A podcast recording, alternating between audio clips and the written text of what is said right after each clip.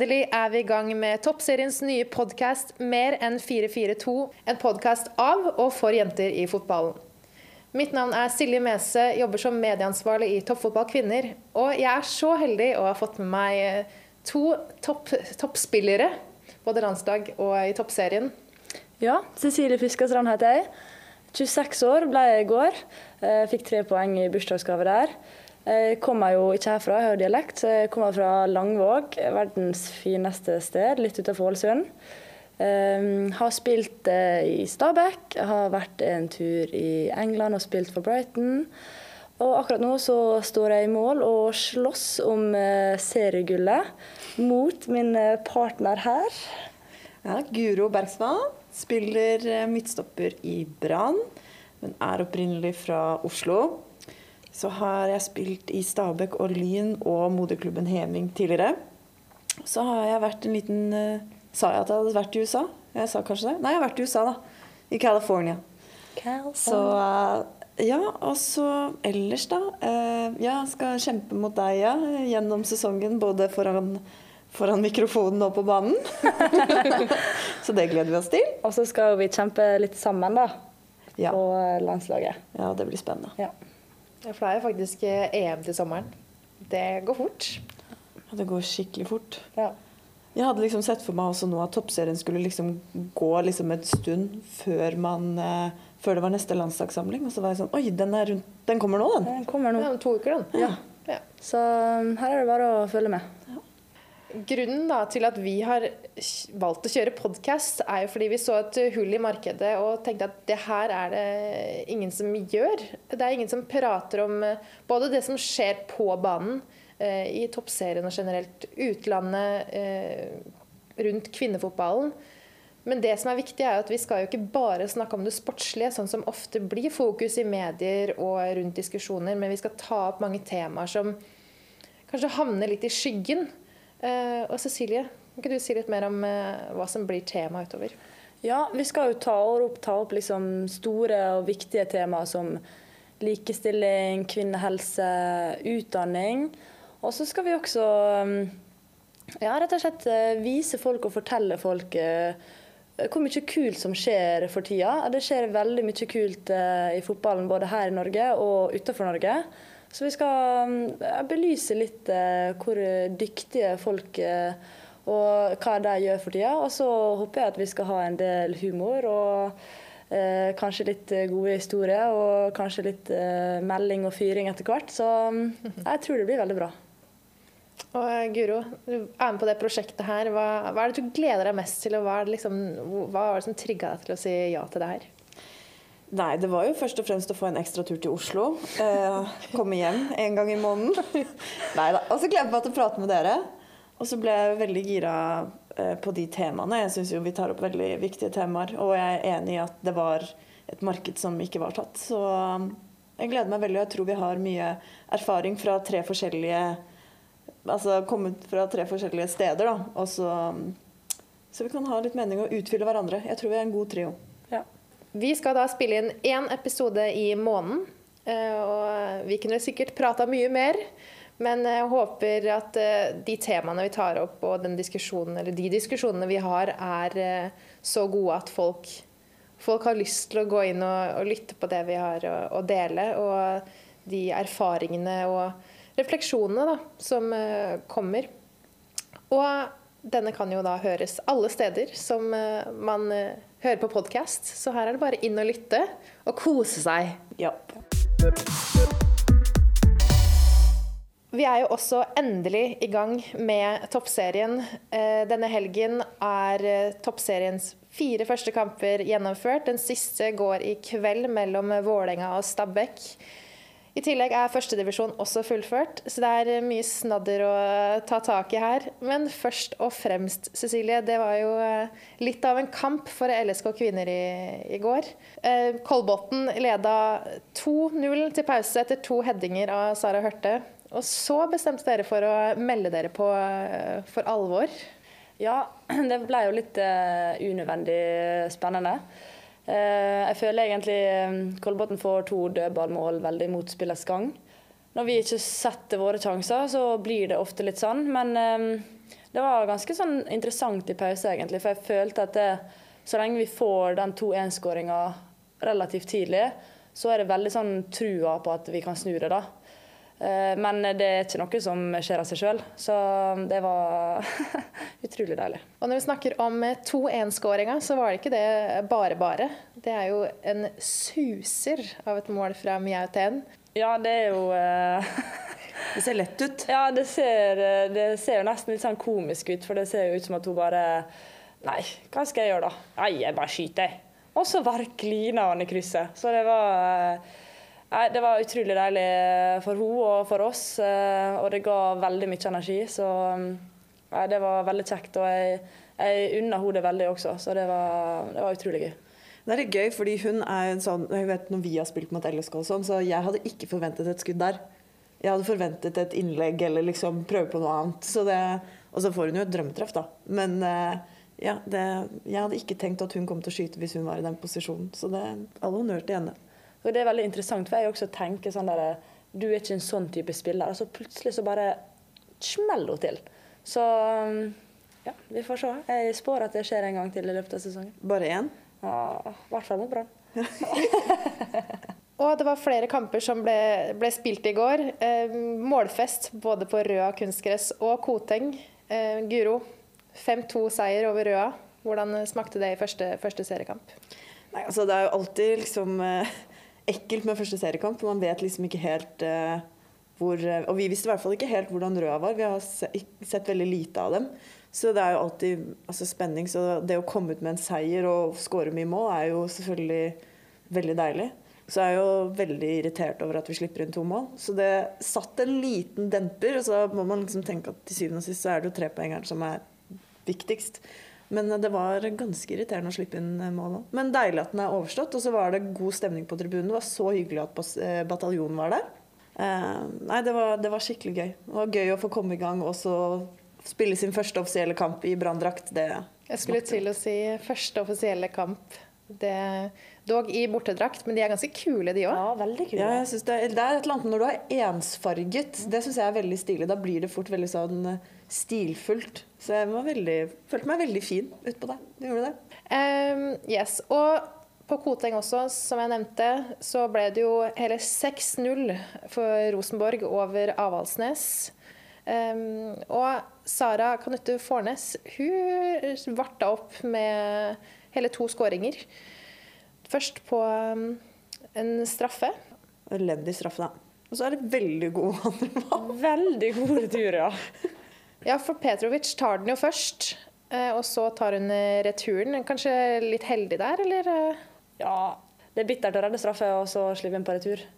Så mm, absolutt eh, litt heldig. Ingen god straffe, men målet er jo mål, da. Det er det som teller. Eh, Og den neste her, den var det ganske schwung over. Ja. Det er, det er flott gjort. Det ser, og så ser det, det ser enkelt ut, denne her også, egentlig. Ja, jeg tenker litt av det, så klart. Og det, Bare- ja, og så, men så tenker jeg å fy fader, jeg hadde vært så irritert hvis jeg var stopper der. Og keeper også. Hun kommer jo for innlegget, og så bare flikker hun den bak litt Ja. sånn videre, sånn casual. Sånn, ja, men den skal jo bare inn i mål. Det, Elegant. Ja, som keeper så hadde Ja. irritert. Du ser den liksom ikke komme helt. Nei, altså, det, det er sjukt bra gjort, så hun skal ha det. Men det er jo klart, det er jo Jeg hadde vært forbanna, ja. Det hadde jeg.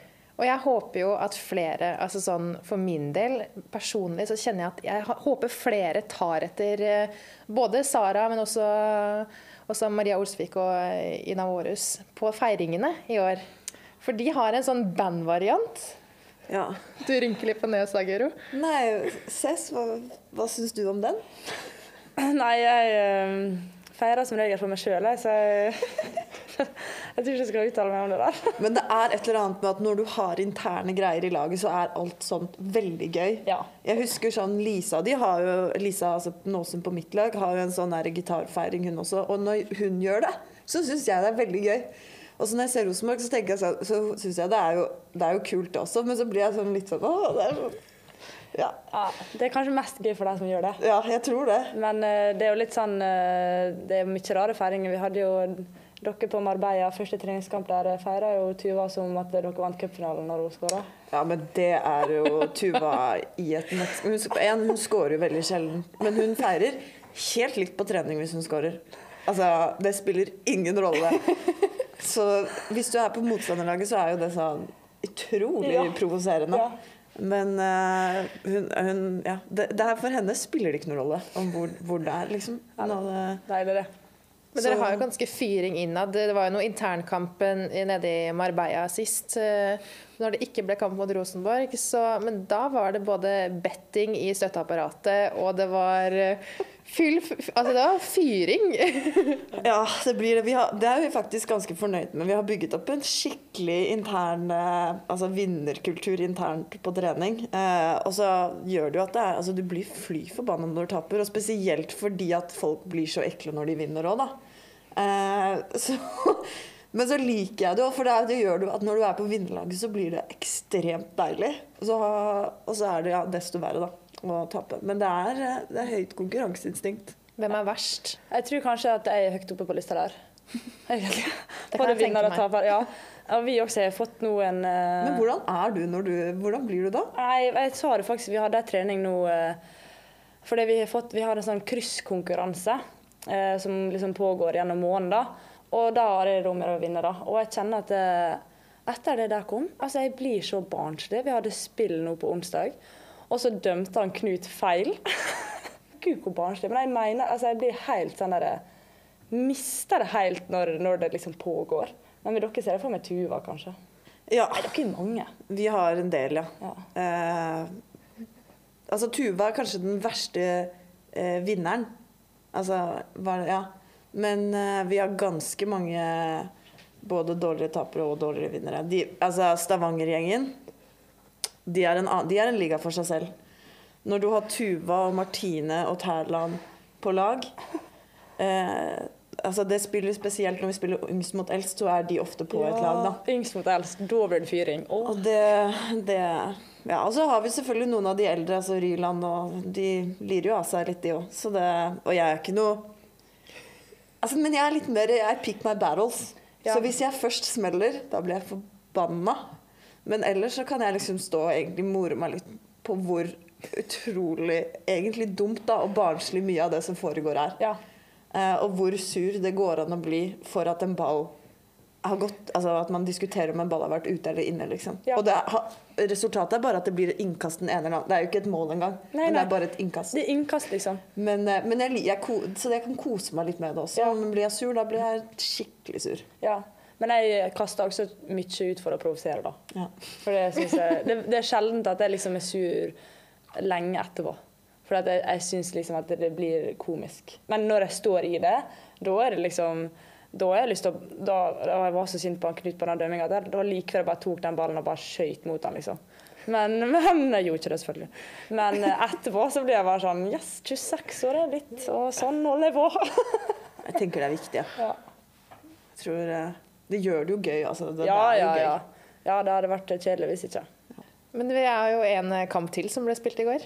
Lyn eh, vant 2-1 over Arna-Bjørnar. Eh, Overraskende kanskje, men eh, de, de så ut til å ha ganske kontroll der. Og det siste målet som Arna-Bjørnar får, er, får, er vil si det er en liten forsvarsglipp.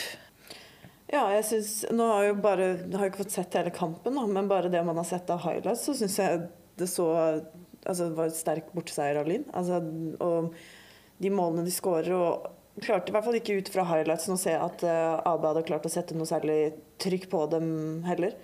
Så um, absolutt en sterk borteseier. Og jeg ville jo faktisk trodd at jeg hadde tippet hjemmeseier jeg, hvis jeg skulle tippet før kampen. Ja, det var overraskende.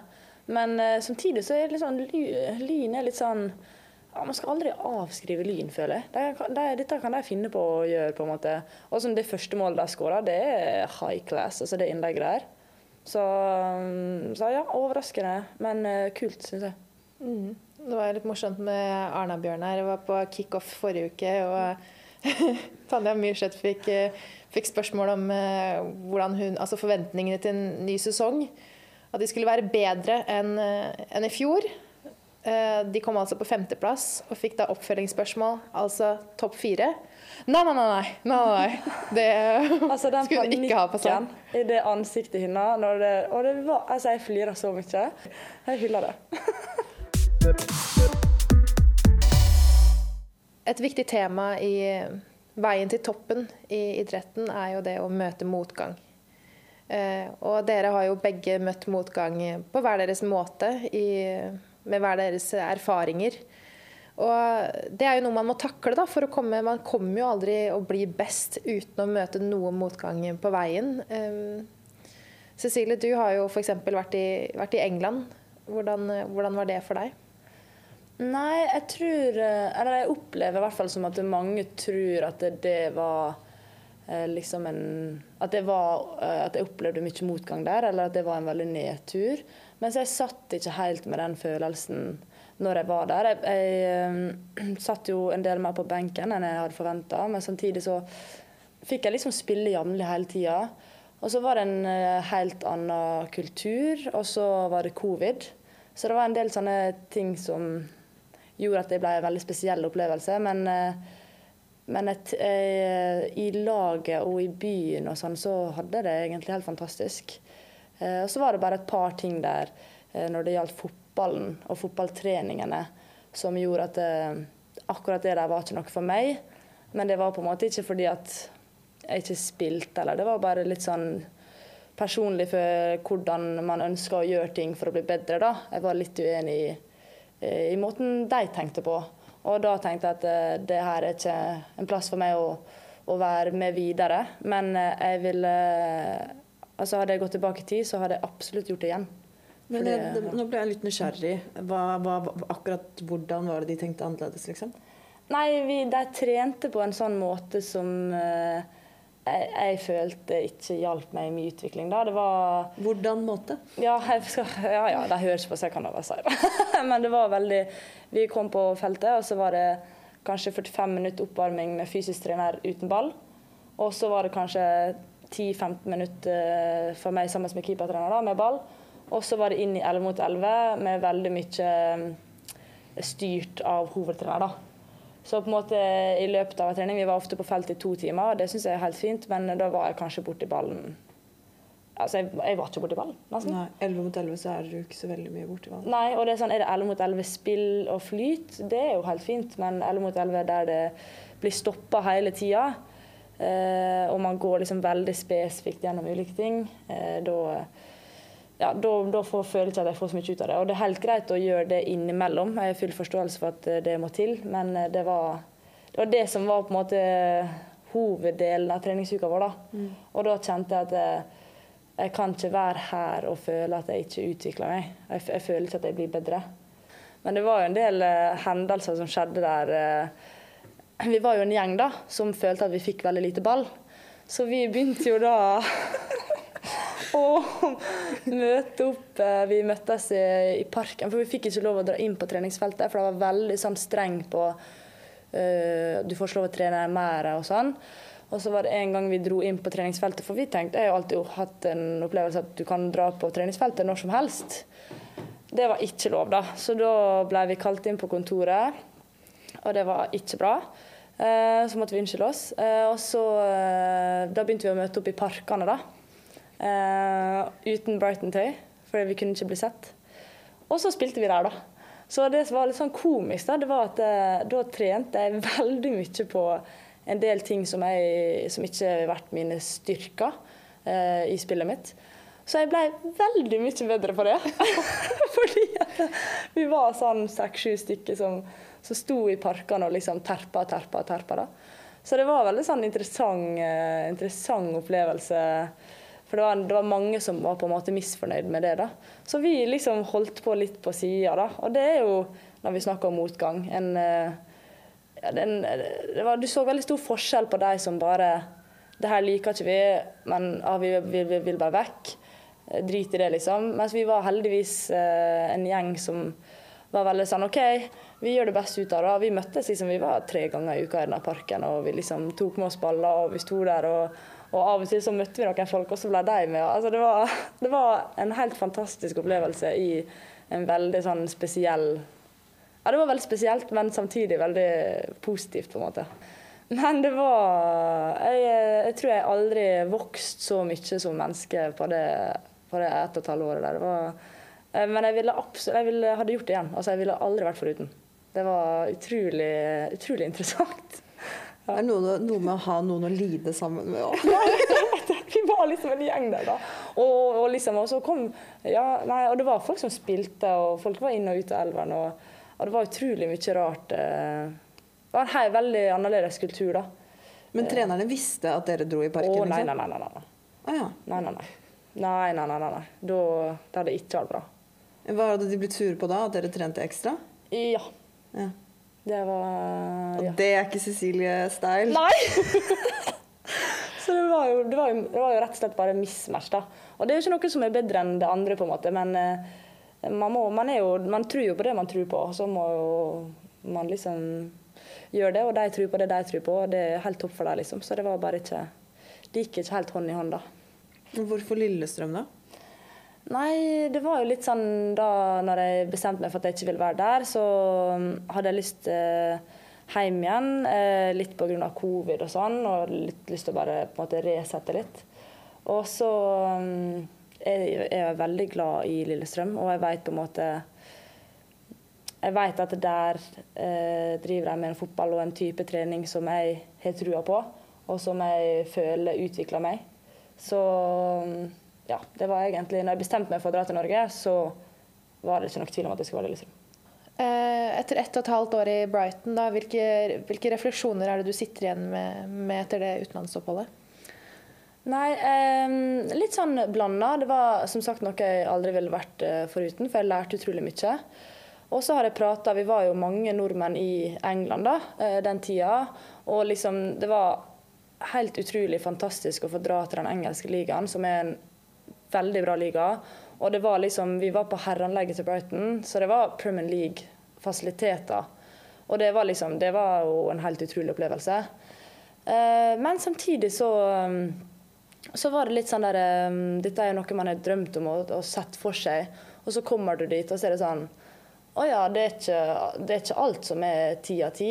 Jeg dro jo hjem til eh, Lillestrøm fordi at jeg følte Eller jeg visste at treningshverdagen i Lillestrøm er bedre enn den jeg hadde i Brighton. Rent sånn sportslig. Det var, det var ingen tvil for meg. Så jeg har snakka med mange um, om det her eh, å reise ut. da, At eh, det er et veldig sånn jag nå på å reise ut.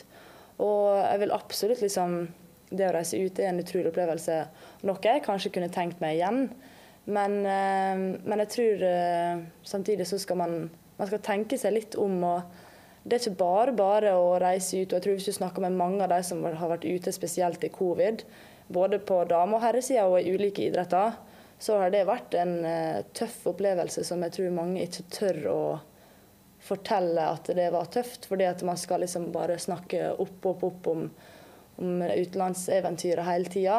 Men eh, det er ikke alltid bare liksom gull og grønne skoger der borte. Det er ikke bare fordi at det er en utrolig proffliga med større økonomi og publikum og oppmerksomhet, så, så betyr ikke det at uh, selve fotballtreningene alltid er bedre, eller det er kulturforskjeller. Så jeg snakker jo med flere på, som er der ute, som har hatt ulike opplevelser som har vært utrolig vanskelig med kulturforskjell og måten man blir behandla på.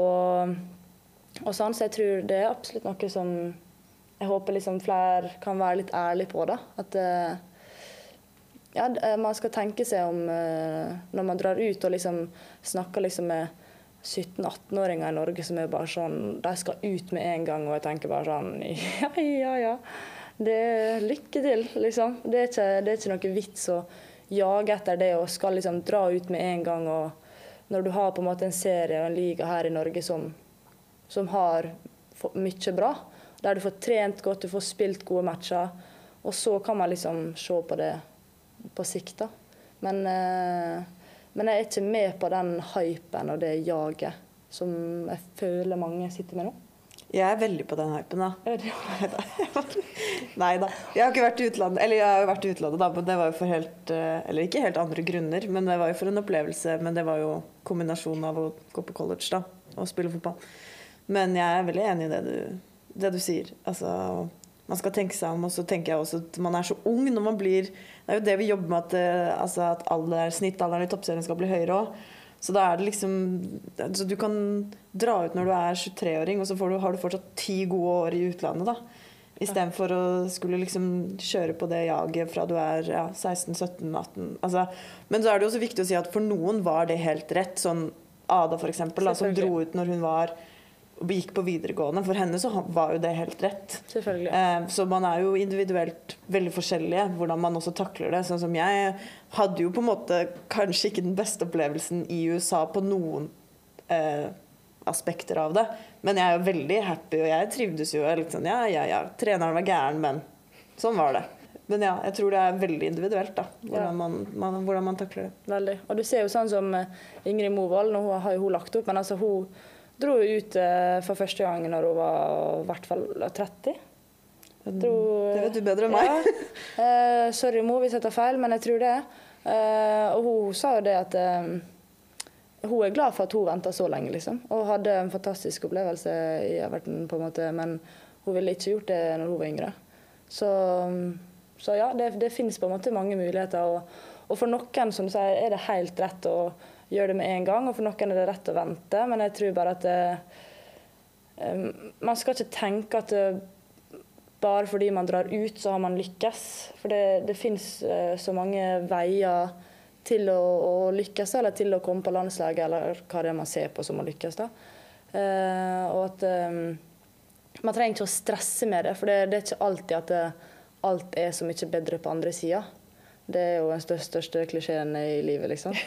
Men Du snakker jo litt om det at det er forskjellige veier til målet, og det bringer oss ganske naturlig over til Guro. For du, Cecilie, var jo innom på en måte juniorlandslagene og har vært gjennom disse trinnene typ, da, som skal være fasit, eller som blir sett kanskje på som fasit.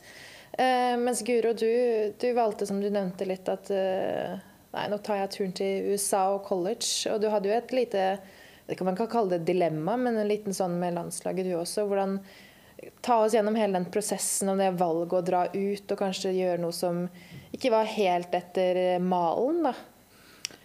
Ja, nei, jeg fikk jo beskjed Jeg var jo på det tidspunktet før jeg dro til USA, så var jeg jo på Jenter 19. Og da fikk jeg jo høre at altså, drar du til USA, så er det helt uaktuelt med da som var U23, da, som var neste steg innenfor landslags, landslaget. Eh, men så fant jeg vel egentlig ut at eh, Altså, bare egentlig var jo rent økonomisk også, hvor mye det stipendet eh, var verdt å gå på den skolen i USA. Eh, kontra den lønningen jeg hadde fått hjemme i toppserien også. På det tidspunktet var det jo mye mer eh, penger i USA. Eh, selv om jeg ikke satt med det i hånda direkte. Men også bare det at jeg Altså, hvem er det som sitter og teller opp U23-landslagskamper? Det gjør, er det jo ingen som gjør. Man snakker jo om A-landslagskamper. Kanskje U19, jeg vet ikke. Men Eh, så jeg følte, så jeg, når jeg dro til USA, så tenkte jeg jo at eh, jeg hadde fortsatt troen på at jeg skulle komme tilbake og være, aktuell, eh, være aktuell for A-landslaget, selvfølgelig hvis jeg fortsatte å utvikle meg. da. Så ble jo oppholdet i USA litt annerledes enn det Eller jeg var jo skadet og fikk en skikkelig kneskade begynnelsen av sophomore year, da, som er andre året. Og var ute i Altså jeg mistet to fulle sesonger i USA, så jeg spilte førsteåret mitt og fjerdeåret mitt. Og var ute i to sesonger. Um, og det var jo skikkelig tøft. Um, altså, det er jo veldig mange som har vært igjennom skader, um, og lange skader. Uh, så de, man vet jo når man først Man klarer ikke å forberede seg på det og skjønne hva det er, før man har vært igjennom det selv. Og det er heller ikke før du er tilbake hvor, og kjenner på liksom det å være sterk igjen, altså i bena, da, eh, og for så vidt mentalt, hvor du også klarer å se at du Jeg tror at hvis du klarer å holde det oppe, så vil du også føle sånn som jeg føler på nå, at det har også gjort meg sterkere. Fordi jeg hadde aldri vært så sterk i kroppen nå som eh, hvis jeg ikke hadde hatt den skaden fordi jeg har trent masse styrke, da. Som jeg måtte for å komme tilbake. Men allikevel så var det jo Jeg røyk jo korsbånd og menisk, og så falt jeg når jeg var hjemme på juleferie og fikk brudd i kneskålen. Og da eh, var det jo veldig fikk jo høre, Det fikk jeg ikke høre der og da, men det var jo flere som hadde sagt til i hvert fall mamma og pappa at de var, altså leger da, som var usikre på om jeg kom til å komme tilbake fordi jeg ble låst igjen kinnet så lenge at hele høyrebenet mitt forsvant. Jeg måtte jo lære å gå igjen. Så bare det Jeg hadde jo Jeg klarte jo ikke å slutte å halte. Og da jeg først fikk begynne å løpe, så bare haltet jeg. Og jeg klarte jo ikke å kjenne det selv. Men jeg halte, det gjorde jeg. Og det var jo et styr å få bort denne haltingen. Og det tar jeg meg selv i når jeg går ned trapper nå også. Så la jeg meg til en måte å hoppe ned trapper på. For å ikke få belastning på høyrebenet. Og det tar jeg meg selv i å fortsatt gjøre, da.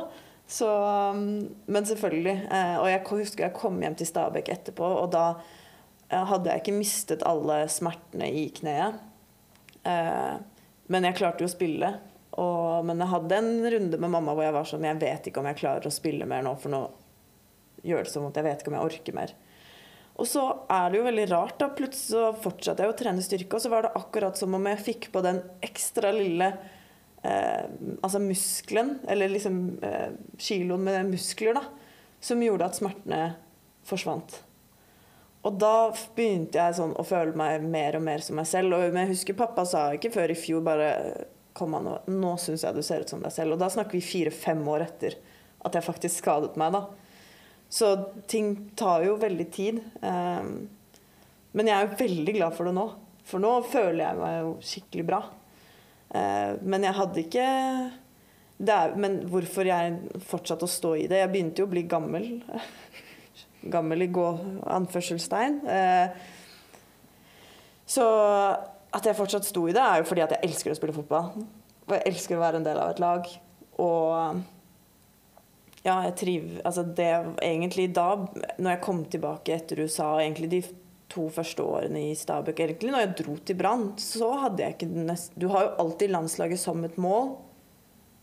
Men da hadde jeg liksom Da var det ikke sånn at jeg var i nærheten av å tenke på noe landslagsuttak og når var neste samliv. Da var det sånn Nei, nå koser jeg meg og prøver å bli så god som jeg kan bli. Uh, og jeg får også mulighet til å være en del av et lag som jeg satser, og, uh, og det var jeg veldig fornøyd med. Så når hele landslaget, eller når landslaget kom på banen, så ble jeg litt veldig overraska. Og når jeg skjønte jeg skulle starte første kampen, ble jeg i hvert fall overraska. Skjønte jeg ingenting står på første trening der. Og for, du, vet, du får jo en liten følelse av hvem som får de forskjellige altså, draktene. Eller altså, pennien, hva heter det? Og, eh, vest. Vest, ja. vest ja. Uh, så var jeg sånn Er jeg Er det her, er det her riktig, da? Men uh, nei. The, the, rest is history. Ja, skåra jo Men jeg, jeg, bare lurer på um, For du er jo så liksom glad i fotball og liksom lag. Liksom være en del av et lag. Mens når du er skada, så er jo du ikke fordi du spiller fotball, og man er jo på en måte utafor laget. Mm. Altså, selv om man ikke er det, men i realiteten er jo man det. Ja, ja. Hvor det må ha vært eh, utrolig altså, Hvordan liksom følte du at du kom deg gjennom Du sa at du, du vurderte, du snakka med mora di om at eh, det var så vondt at det kanskje ikke gikk, men var det noen gang liksom, noe inni deg som var bare sånn Nei, det her har jeg ikke lyst til lenger? på en måte? Helt ærlig så nei. Men også litt fordi at du, du vil jo ikke Jeg vil jo ikke gå rundt med et halvt. Nei. Eh, så, og det var liksom når du først, For jeg har tenkt at når jeg først, hvis, jeg går, hvis det hadde skjedd igjen, så er det ikke noen vei tilbake. Jeg orker ikke en ny runde. Men så røyk jeg jo indre leddbånd sesongen etter i Stabæk. Da hadde jeg spilt hele sesongen, røyker du på høsten. Og da husker jeg, da tenkte jeg jo først rett i krisemaksimering, tror jeg røyker korsbåndet igjen. Og da var jeg sånn Faen, jeg må tilbake fra det her òg. Ja. Så det var veldig rart, for da har jeg gått opp til det punktet og tenkt at jeg skjer det igjen, så skal jeg, da er jeg ferdig. Og idet det på en måte skjer, og du tror det har skjedd igjen, så tenker du nei, jeg er ikke klar for å gi meg nå. Og det er litt altså, interessant hvordan den bare Ja, da skal jeg tilbake, da er det en ny runde. Men, men, eh, jeg har også tenkt veldig mye, for i USA så måtte jeg være med på hver eneste trening. Og sitte og se på hver eneste trening. Og én ting er jo når du er tilbake og kan gjøre litt småting, men rett etter operasjon og sånn, så har du et par måneder hvor du er grønnsak. ikke sant? Du kan ikke gjøre noe. Jo, det, og det var skikkelig, skikkelig tungt. Ja. Eh, og det vet jeg ikke. Nå har ikke jeg vært Eh, så skadet i, i, Norge, så jeg vet ikke hvordan man dealer med det her. Men jeg føler jo at eller jeg vet jo for så vidt det, fordi de som er skadet på laget mitt, har jo ikke måttet være med å sitte og stå og se på hver eneste trening. Og så vet jeg ikke hva som er best, for på en måte så ble jeg også tvunget til å være en del av laget, da. Men i USA så bodde vi også tettere oppå hverandre. Vi bodde jo sammen med folk på laget. Så der jeg, var jeg jo alltid en veldig en del av laget. Jeg tror det er lettere for i Norge faktisk å forsvinne da litt ut, ut eh, og miste den der eh, garderobe og liksom kulturen, da. Eh, men så er det andre ting. Jeg tenker at jeg vet ikke om det var veldig godt for meg mentalt å sitte og se på hver trening når du egentlig og så, skal du, så du sitter og ser på trening, og så skal du allikevel to timer med fysioen og drive med eh, andre ting. For fysioen må jo være til stede på trening for de som er på trening. Så jeg hadde jo to timer med å se på trening, to timer for meg selv, og så har du skole i tillegg. Så jeg brukte jo masse tid på noe jeg fikk eh, kanskje ikke så mye ut av, men eh, ja, tungt. Men føler du eh, på en måte etter å ha vært gjennom det der, da, går, eh, frykter du at du Er du redd for at det skal skje igjen? Nei, jeg gjør egentlig ikke det, også fordi at jeg føler meg veldig sterk nå. Ja. Uh, føler meg veldig fit. Ja.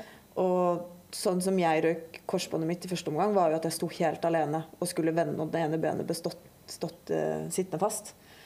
Så sånn sett så føler jeg jo ikke at uh, altså det, Kanskje hvis man hadde vært i en duell eller noe. Men jeg merker noen ganger når vi spiller på skikkelig dårlige gressbaner hvor jeg kjenner at og tenker litt på det. Mm. Men med en gang dommeren blåser, så er det jo gone. Og dere har vært i veldig ulike situasjoner, kjent på motstand og, og motgang i ulike, ulike, settinger. Hva er det dere vil Hvilke tips er det dere vil gi til de som kanskje sitter og tenker at ah, dette går litt trått, eller dette er litt seigt, men jeg har lyst opp da, i de situasjonene, i de øyeblikkene hvor de de tankene kommer? Jeg vil jo bare først si liksom Det er jo helt rått. Uh, altså, jeg var ikke klar over at det, disse skadene dine var så alvorlige. Uh, så shit, det er ganske Jeg tror det er mange som hadde gitt seg med det der, altså. Så det var helt rått. Men jeg tror jo på en måte fellesnevneren i Altså uten å sammenligne, men det er jo at det, liksom, man ikke gir seg, da. Altså, det er jo det eneste du kan gjøre, på en måte.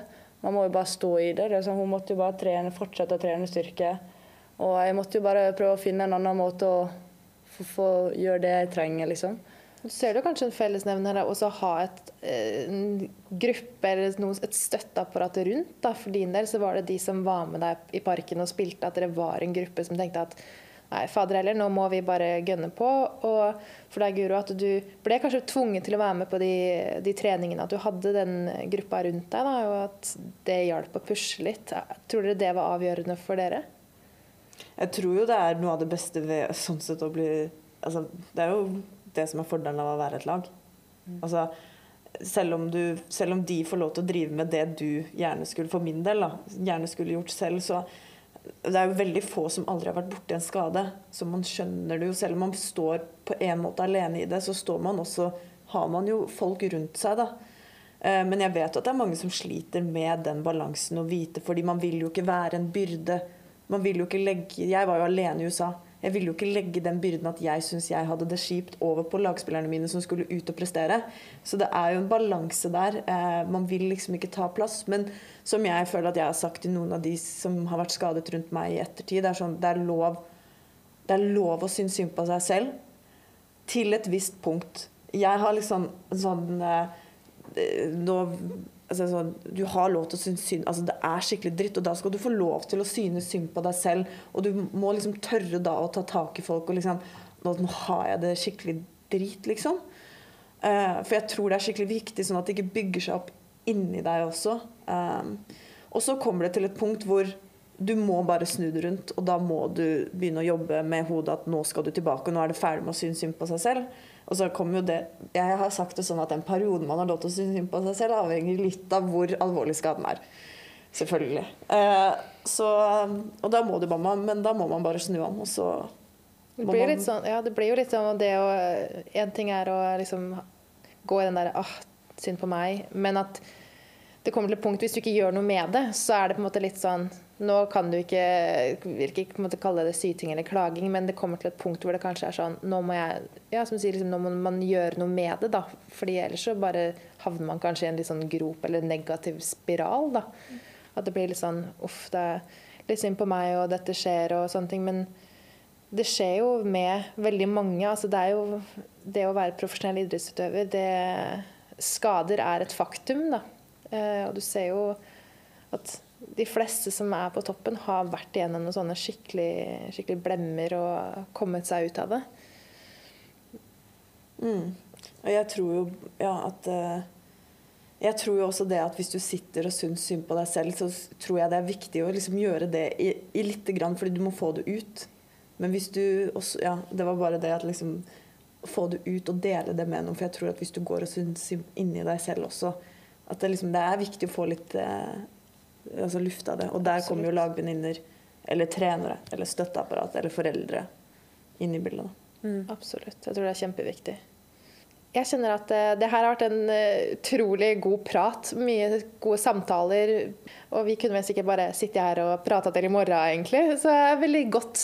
Det klør i fingra etter å spille inn flere episoder. Men det, tida går.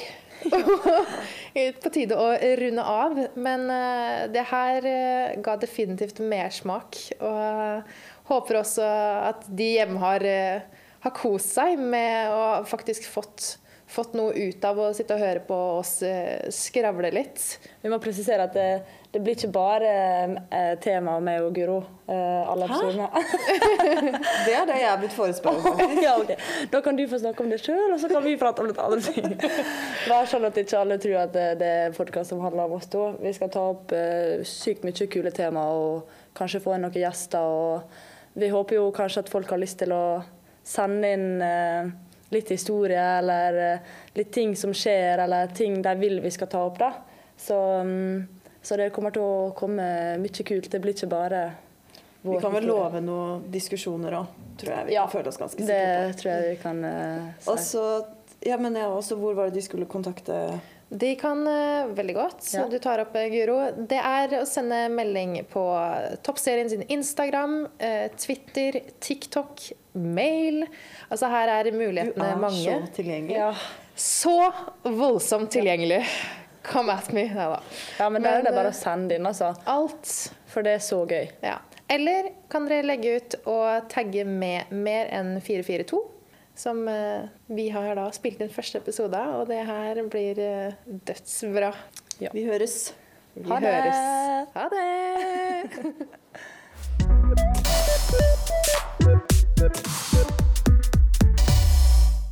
Vi retter stor takk til vår samarbeidspartner Obos for å gjøre denne podkasten mulig. I tillegg takker vi Fotball-TV for lån av studio og fantastisk tekniker.